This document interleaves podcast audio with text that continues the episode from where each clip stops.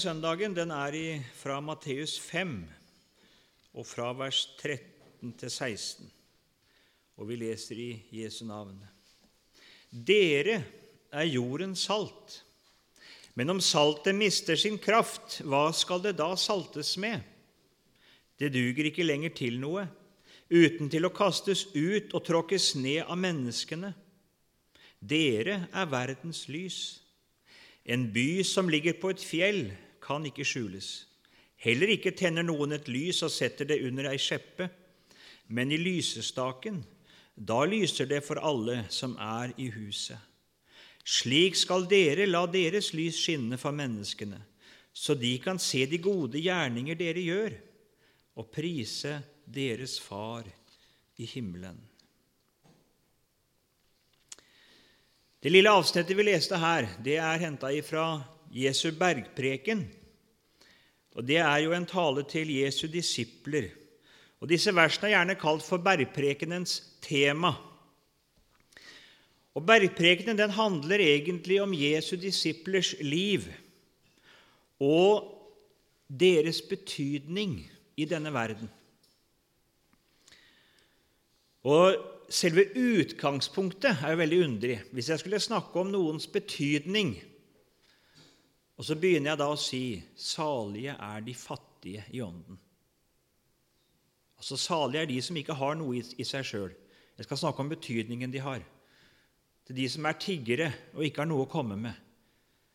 Det er underlig at Guds rike er så annerledes. Hvis vi skal snakke om noens betydning, så vil vi gjerne tenke at de må, de må være noe, de må ha noe, de må, de må virkelig jeg har store ressurser og evner. Og så begynner Jesus salig er de fattige i ånden. Hugo Odeberg, denne svenske professor og teolog, han sa det slik at en enda begåvning som et menneske trenger i Guds rike, det er at vare intet.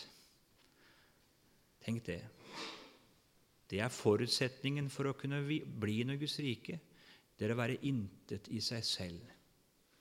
Og Da skjønner vi at denne talen om Jesu disiplers betydning den har ikke som forutsetning at du har veldig store gaver. Det er noe annet som Jesus sikter til. Men det er ingen som har brukt så sterke ord om de kristnes betydning i denne verden som Jesus har. Han sier at det for, hadde ikke vært for de kristne, så lå denne verden i mørket. Det er ikke sånn verden tenker. ikke sant? Den tenker jo det at mørkemannskristendom det er jo der mørket er. ikke sant? Det er hvor Nei, sier Jesus. Denne verden er i mørket. Og de kristne, de er denne verdens lys. Der er lyset. Der er livet. Der er håpet. Og var det ikke for de kristne, så ville denne verden gått under. De er verdens jordens salt. Og Da sier Jesus det at de som hører han til, de har den samme betydning for verden som han har. For det er jo han som er verdens lys. Jeg, sier han, er verdens lys. Og han er jordens salt. Det er han i sin person. Og så får de som hører Jesus til, i kraft av ikke seg selv, men Jesus som bor ved troen i deres hjerter, så får de den samme betydning som Jesus selv har. Jesus er lyset i denne verden. Uten han så går denne verden mot undergang, og den er i mørket, og den går i mørket, og den vet ikke hvor den går. Og så er Jesus kommet som lys til verden. Og så ville han så gjerne det, forbli denne verden til frelse. At de skulle kjenne Han og få del i Hans frelse. Ikke lys først og fremst som opplysning og kunnskap. Vi skjønner det er ikke det. Men det er som lyset på skapelsens morgen som kom inn i mørket, og så ble det liv. Og slik er Jesus kommet som lys og med liv til en verden som ligger i det onde og er i mørke og død. Og så er Jesus den som kan hindre at denne verden går under. Den skal gå under i og for seg, den skal det. Den går, vi går mot undergangen. Men for den som har del i Jesus, så er ikke det det siste. Er det utganger ifra døden for den som hører Jesus til. Også så får altså den kristne, sier Jesus, den samme betydning. Og da er vi ved en hemmelighet i livet som kristne. For det er en hemmelighet. Det er skjult for de vise og forstandige, dette. Men det er åpenbart for de umyndige.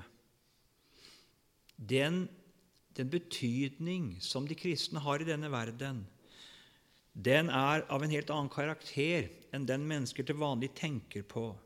Og Jesus sier det at den rettferdighet han finner hos sine, og han venter å finne hos sine, den rettferdighet som langt overgår fariseernes og de skriftlærdes.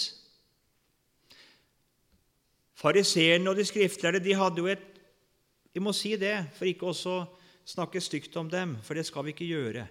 Eh, de hadde et menneskelig sett et meget pent liv. De var virkelig samfunnsstøtter. De var til å stole på.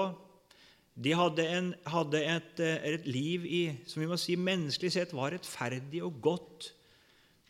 Og de brydde seg virkelig om andre menneskers ve og vel. Men det var bare det de kunne få til ved å ta seg sammen, ved å be om Guds kraft og hjelp. Men Jesus regner med et annet liv i sine troende. Vi kan si det er et himmelliv som har kommet inn i Jesu disipler. Et liv som ikke er av denne verden, et liv som har et helt annet utgangspunkt, og derfor også bærer i seg en helt annen kraft enn det som fariseerne kunne få til. Jesus regner med det, at du som hører Han til, har dette livet. Ja, det er et kjennetegn, sier han, på hans disipler, at de har et slikt liv. Og Han sier det så sterkt at hvis ikke de har det, så kommer de ingenlunde inn i himlenes rike hvis ikke rettferdigheten deres overgår fariseernes og de skriftlærdes. For det er det livet som skal utfolde seg bak død og grav. Jesu disipler har begynt det her. De har allerede oppstått og gått over fra mørke til lys, fra død og til liv, og det er begynt å leve et liv som skal leves fullkomment bak død og grav. Han venter å finne det i sine, men det han da venter å finne, det er egentlig sitt eget han venter å finne. Sitt eget liv, det han selv er. Når Bibelen taler om den kristnes vandring i denne verden, og en kristens rettferdighet i denne verden, så bruker det en, bruker det en beskrivelse av et sinn og av gjerninger som ikke er naturlig for deg og meg. Da beskrives Jesus sinn. Har dere merke til det? Da Bibelen sier altså at åndens frukt er glede, fred, langmodighet, mildhet, godhet, trofasthet osv. Er det naturlige egenskaper for deg? Nei. Men det er Jesus sin. La det sinn være i dere som òg var i Kristus Jesus. La det være i dere. På svensk er det oversatt så fortvilt. Der står det det at prøv å være slik til sinne som Jesus var. Det er ikke det det betyr. Ikke prøv å få dette til, for det kan du ikke. Det er ikke å dra seg etter hår og så skal jeg prøve å ligne Jesus. Nei. Men la det sinnet være i deg. Jeg skal komme litt tilbake til det. Og må, Dette her er det viktigste. Får vi ikke tak i dette, så kan vi ikke forstå bergprekenen. Helliggjørelse og vandring i denne verden som en Jesu disippel, det er ikke en forbedring av din og min karakter. Det handler ikke om det. Det er ikke noe som vi kan få til ved å pynte på våre egne naturlige anlegg og så strekke de litt lenger. Noen av oss er av natur det vi kan kalle natursnille. Noen av oss er det ikke. Eh, vi har ulikheter der. Eh, noen har på en måte et enkelt temperament, noen har et vanskelig. Sånn er vi forskjellige etter natur. Men helliggjørelse er ikke å forbedre dette. Å ta tak i det og så rydde litt opp i det og få litt orden og struktur på det, det er ikke helliggjørelse. Det var fariseerne. Det var det de stelte med. De prøvde å få skikk på dette her og arbeide med sin karakter og, og, og holde på med dette.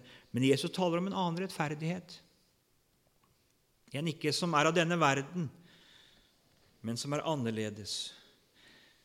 I livet som kristen, der er Kristus alt. Han er alt. Han er begynnelsen, og han er enden. Han er alfa og omega.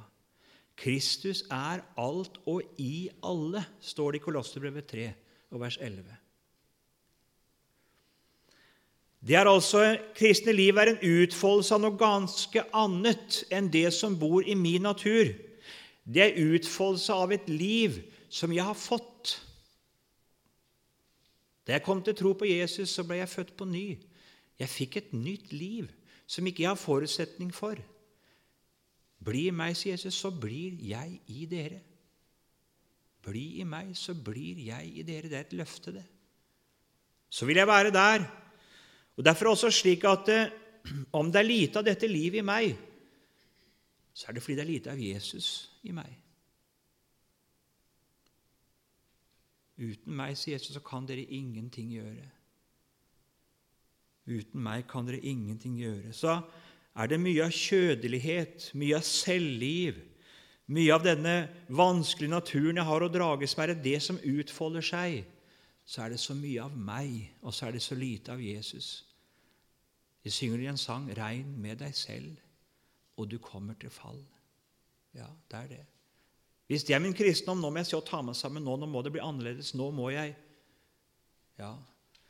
Jeg snakka med barna mine når de er små, og nå begynner de å bli store alle sammen. men Det hendte vi snakka om kvelden, da, så hadde det ikke vært så greit en dag. Og så kunne jeg spørre de åssen har det Nei, får ikke til å være snill. Det var en som sa en kveld får det ikke til. Ja, hva skal vi gjøre med det, sier jeg. Hva skal vi gjøre med det? Nei, Han visste ikke helt hva han skulle gjøre. Ja, har du bedt Jesus da om at han vil hjelpe deg? sa jeg. Jeg ville jo tenke at det var sånn han ville tenke. Ja, sa han. Det har jeg gjort. Jeg hjalp det, da, sa jeg. Nei, det er ikke det rart, sa jeg, at ikke det hjalp. Du ba til Jesus om å hjelpe deg, og så hjalp det ikke. Nei. For det vi vil Så starter vi om første kvelden. Vi vil, hjelpe, vi vil ha hjelp av Jesus til å få skikk på livet vårt. Men det er ikke det han har kommet for. Nå skal vi gjøre noe annet, sier jeg. Nå skal vi be til Jesus om tilgivelse. Nå skal vi takke Han for at Han har tatt alt dette her som ikke du får til, og så har Han sona gjort opp med, så er du ferdig med det. Du vet jo hva som skjer da? Da får du møte Jeg sa ikke det, det blir for vanskelig for barn å snakke det jeg sier nå, men jeg kan si til dere Da skjer det noe underlig. Da møter jeg hos Jesus en barmhjertighet, en godhet mot meg, som er sånn som jeg er en kjærlighet og en langmodighet, for jeg kommer med det samme i går. Og en tålmodighet og en trofasthet. Du vet hva som skjer da? Da ser det som Jesus Den som drikker av det vann jeg vil gi, det vannet blir i ham en kilde. Altså, Da mottar jeg noe hos Jesus av hans sinn, for jeg trenger det. Og så blir det en kilde. Da får det bo her inne. Du, Det er den kjærligheten du kan elske med. Vi elsker fordi Han elsket oss først. Det er den barmhjertigheten du kan møte dine medmennesker med. Det er den du har fått. Ikke en du har av din natur, men den du fikk når du lå ved Jesu føtter og måtte tale ut med han om dine synder. Det er den barmhjertigheten, det er den kjærligheten, det er den trofastheten. Den venter Jesus å finne i ditt hjerte fordi du har mottatt den hos Han. Og det er den han vil at skal lyse for de mennesker du vandrer sammen med. Det er slik du er verdens lys. Når du har det som du har fått hos Han, og møter dine medvandrere med. Av Guds nåde, sier apostelen Paulus, er jeg det jeg er. Av Guds nåde er jeg det jeg er. Det er ikke jeg som har tatt meg sammen. Nå sier han jeg har arbeidet mer enn alle sammen. Det har jeg gjort. Men allikevel, det er ikke det. Av Guds nåde er jeg det jeg er. Og min, Guds nåde mot meg har ikke vært forgjeves, sier han. Det er jo litt selvbevisst å si det. Men, men, men allikevel, av Guds nåde er jeg det jeg er. Du har fått noe hos Jesus, og du er kalt til å møte mennesker som du vandrer sammen med, med det. Det ville Jesus. Vi er, sier Bibelen Jesus har jo fart opp til himmelen, men så ville han det. Han ville bli kjent og trodd i denne verden.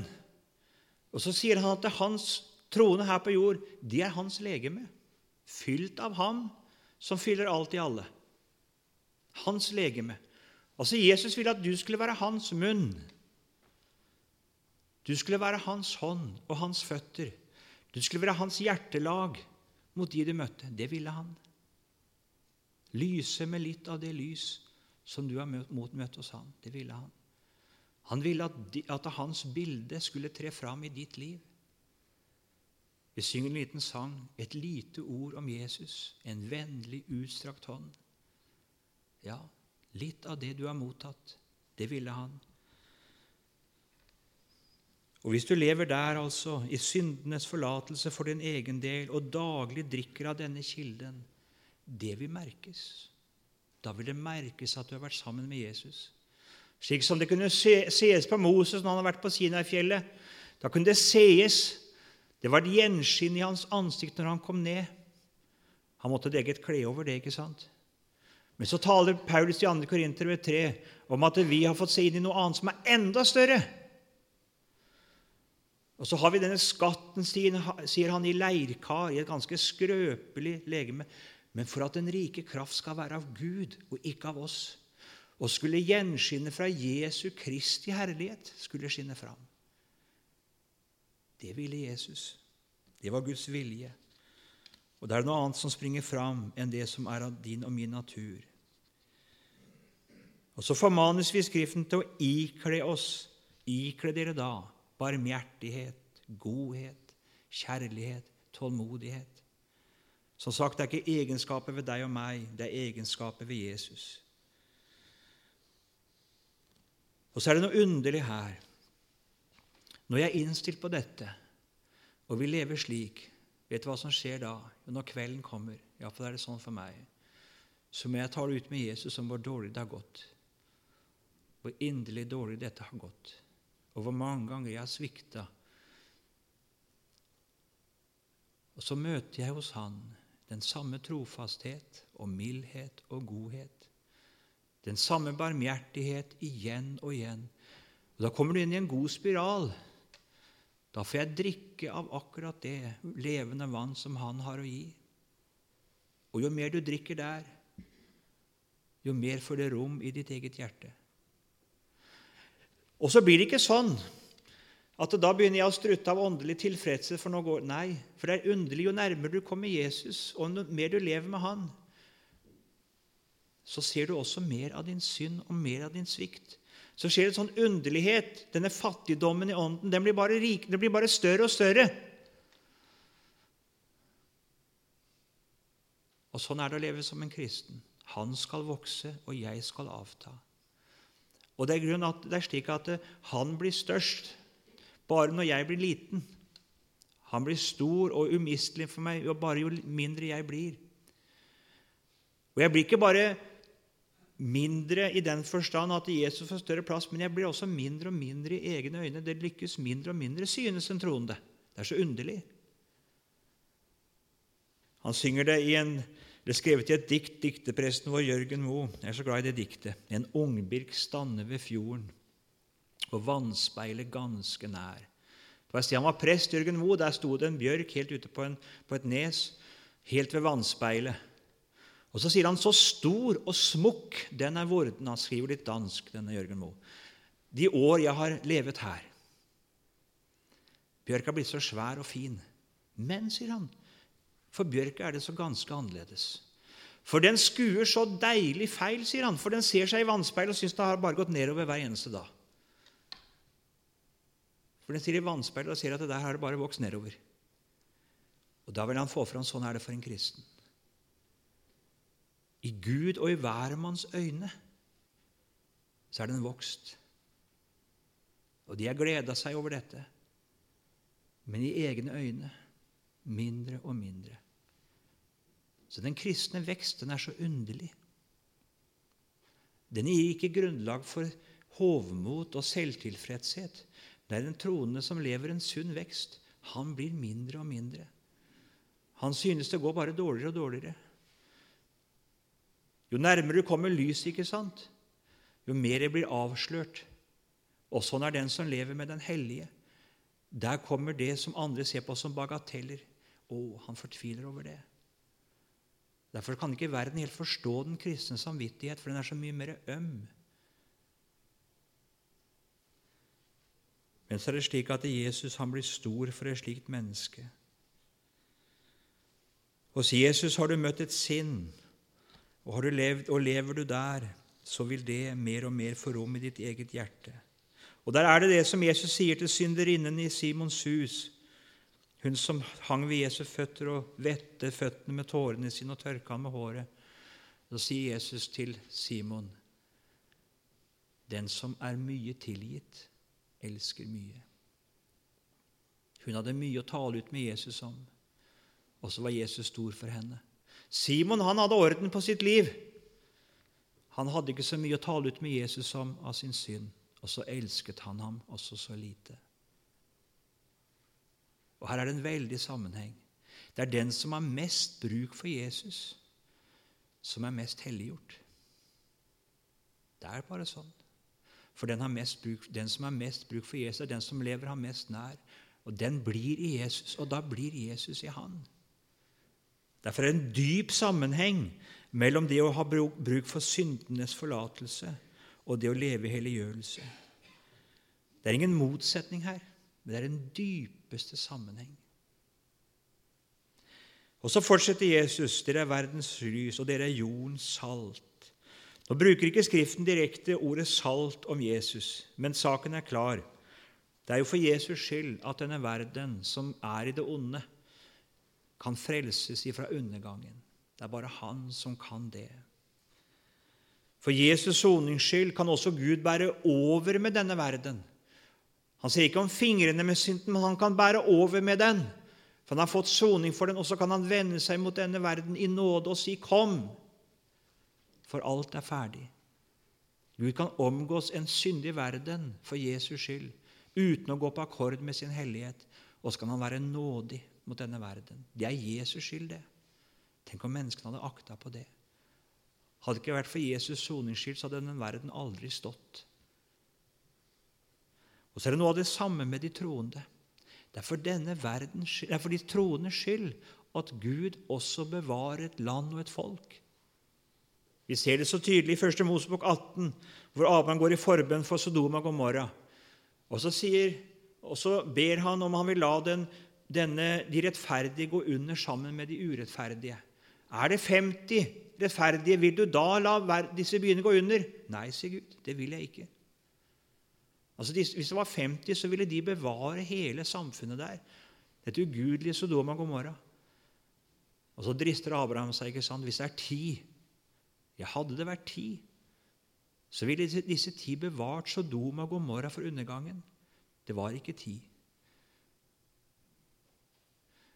Men det er også slik Tenk om, tenk om våre politikere og andre hadde skjønt det. Hvilken betydning kristenfolket har for vårt, har for vårt land. Ludvig Hope sa det i, ved starten på andre verdenskrig at han var ganske overbevist om at Norge i stor grad ville bli spart for krigens redsler. Hvorfor kunne han si det? Jo, for han regna med de kristnes betydning i denne verden, for landet vårt at det var så mye kristenfolk i landet vårt at det ville være salt. Han fikk mye rett i det. Jeg spør om vi har saltkraft i dag. Jeg tror ikke det. Saltet har mista sin kraft. Det er mange som bærer kristennavnet, men hvordan er det? Jeg frykter for det. Det er underlig. Det viktigste det var ikke hva Lot No, Lot talte han imot urettferdigheten til en viss grad. Han gjorde det.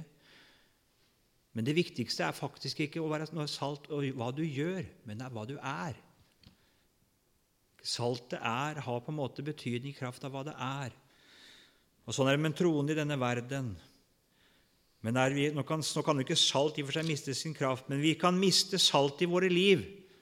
Vi kan opphøre å være det ved at vår kristendom bare er et skall. Det er faren. Jeg er redd at det er mye tilfelle i vårt folk. Da er kraften borte. Og Da hjelper det ikke om jeg engasjerer meg i samfunnslivet for å berge det, om jeg engasjerer meg i miljøvern og i politikk og i alt for å redde vårt samfunn, og skriver opprop mot det ene og mot det andre. Å nei, det er ikke der en kristen har sin betydning. Men lever du med Jesus i sannhet, så er du salt. Bare ved å være hans og leve med ham og vandre med ham, så han kan si at disse, de er mine. Ja, da bærer han omsorg for den, og så er, vil de bevare ikke bare seg selv, men også de de lever iblant. Dere er verdens lys, og Jesus han er verdens lys. Og vi er lys, som jeg sa, fordi Jesus er i ham. Og det er hans lys vi formidler. Og det er hele veien slik Jesus taler om her. Det er bare det som vi er, i kraft av at Jesus bor i oss. Du skal ikke ta deg sammen og dra deg etter håret for å være lys og salt, men du er det hvis du lever med Jesus.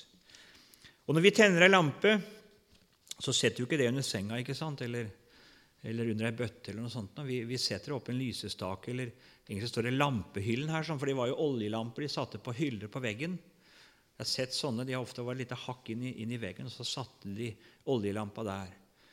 Så det kunne lyse for alle. Og Det er ikke poenget det at nå må du passe på å få en sånn posisjon i samfunnet at alle kan se deg. Det er ikke det Jesus sier. Men han sier at det er han som gjør sine til lys, og han vil sørge for at hans troende får en sånn virkning at alle vil se det. En by sier han, som ligger på et fjell, det kan ikke skjules. En kristen som lever som en kristen, det vil ikke gå ubemerket hen. Det vil verden se. Jeg har tenkt på én jeg, når jeg leser om dette her. sånn. Jeg har tenkt på et par stykker i Bibelen.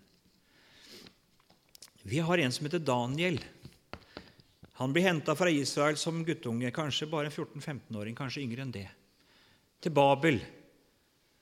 Og denne unge gutten han er altså tro, og han lever med Gud i en enfoldig troskap. Og det blir lagt merke til. Og han får posisjon, det gjør han. Men hvis du leser hele Daniels bok og ser Det var ikke mange gangene at Daniel på en måte eh, var i aktivitet, holdt jeg på å si, synlig. Jeg tror han egentlig var akkurat som Arve, var en ganske kjedelig byråkrat stort sett, som satt og holdt på med, med, med sitt. ikke sant? Eh, og, og jo, men det han gjorde da, han gjorde det så trofast. De fant ikke én ting å ta han for. Det ville de ikke. sant? Ikke én ting. En rettferdig, trofast tjeneste dag ut og dag inn. Men så kom de situasjonene. Hva gjorde han da? Jo, han åpna sine vinduer mot Jerusalem. Han ba, han levde sitt liv som før. Han sto fast. Og så sørga Gud for det, at det ble lagt merke til av kongen, av folket, utover det hele. Og så gikk det et lys ut fra Daniels liv. Ikke fordi han søkte å bli noe og være noe. men han levde bare sitt enkle, trofaste liv. Det er det du er kalt til. Å leve et enkelt, trofast liv som kristen i ditt arbeid det er ikke noe galt å være byråkrat. Altså. Det er ikke det. Jeg har veldig stor sans for Daniel. Men han var en byråkrat. han var det. Men det er flott. Han var det med trofasthet. Og det ble lagt merke til. Han baktalte ikke. Han klaga ikke. Han tjente sin Gud i trofasthet, og han tjente sin konge i trofasthet. Og så var han lys. Som vennene hans, de var lys. Du møter det samme med Josef solgt som slave til Egypt. Han fikk jo en fin stilling, kanskje. Nei, ikke noe fin stilling å være slave. er ikke noe fin stilling, Selv om det var hos Potifar. Men han var trofast. Han ble kasta i fengselet. Han var trofast. Satt ikke og klaga over Potifar og kona og hvor ille det hadde gjort det mot og brødrene hans. Ikke et ord hører vi om det. Men det ble lagt merke til hans trofasthet. Han ble betrodd. Han var ærlig, han var sann. Det gikk et lys ut og Når du leser Josefs liv, vet du hva du ser der? Da ser du Jesu Kristi bilde skinne fram. Han led urettferdig. Han opplot ikke sin munn. Ikke til klage. Og så ble han til frelse for brødrene sine. Det som vi får tegna Jesu bilde i Josefs liv. Og det ble han bare for å leve som en sann troende. Det er du kalt til. Det er du kalt til. Gud vil sørge for at lyset skinner, så sant du lever med Jesus i sannhet. Vi skal ikke være bekymret for om vi får stor innflytelse. Det vi begynner å tenke sånn Nå gjelder det at folk legger merke til meg. Det var fariseerne opptatt av. Være på et gatehjørne når man skulle be, så alle så det. Nå må de jo se ikke sant, at man skal be, og så skulle det være et godt eksempel. Så blir vi øyentjenere, så blir vi taktiske, og så Der kommer kjødeligheten. Nei, lev som en kristen. Lev med Jesus i syndenes forlatelse. Det vil merkes. Det vil merkes. Så de kan se de gode gjerningene dere gjør. Hvilke gjerninger er det? Luther han sier det slik at de gode gjerninger de har ikke noe navn. Det er ikke den og den og den tingen. Evin Andersen sier det sånn et annet sted at hva er det som preger disse gjerningene? De er så fylt av Jesus, sier han. Og Det tror jeg er et rett uttrykk. Det er ikke bestemte gjerninger, men det er altså først og fremst et sinn, et hjerte, som hvor Jesus har fått rom. Og det er det som preger det. Det er det som preger det. Det er ikke spesielle gjerninger. Det er mine gjerninger som jeg skal gjøre, som jeg vil bli sett, vet du hvem som blir priset da? Da vil jeg bli priset. Og se på han der. Se på, og se men det var ikke det det sto i teksten. Men de vil prise deres far i himmelen, står det. Det kan merkes på en kristens liv. Da er det Gud som får takken og æren.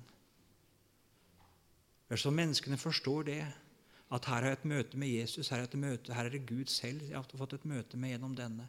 Det er der blikket blir vendt. Men når jeg kommer i fokus, og mitt kommer i fokus, da er det noe annet.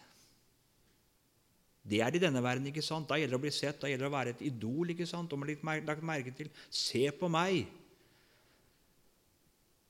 Men sånn er det ikke i Guds rike. Der er det, Det står jo om døperen Johannes. Så står det det. Eller det vi kan, ikke står ikke om han. Men, men, eh, det fortelles at det er veldig mange som har malt bilder av døperen Johannes. Han står og peker, ikke sant? Så har han malt med en altfor stor pekefinger. Det er malere som har gjort det helt bevisst. Og de vil si noe. Døperen Johannes han var ikke opptatt av at de skulle se på ham. Men hans liv det var et vitnesbyrd, det var en pekefinger. Se på ham. Og han sendte jo disiplene sine til Jesus. Han skal vokse, jeg skal avta. Sånn skulle det være i ditt liv. Det skal være vitnesbyrdet. At de må kjenne ham. Ikke at du skal bli stor. Da ble han priset. Det var det Jesus ville. Han ville det, du som lever her, for det første at du skulle leve med ham, og så ville han det at de du lever med, skulle lære han å kjenne. Det er det de trenger. De trenger ikke deg, men de trenger ham. Og mitt liv er aldri så godt. Men jeg nådde aldri så langt. Jeg kan ikke frelse den eneste en. Men kunne jeg få lede én til Jesus, så vet jeg han kan berge han kan frelse. Ja, kjære Jesus, så ber vi om det, at vi kunne få leve slik med deg, at du lever i oss, så mennesker kunne lære deg å kjenne. Amen.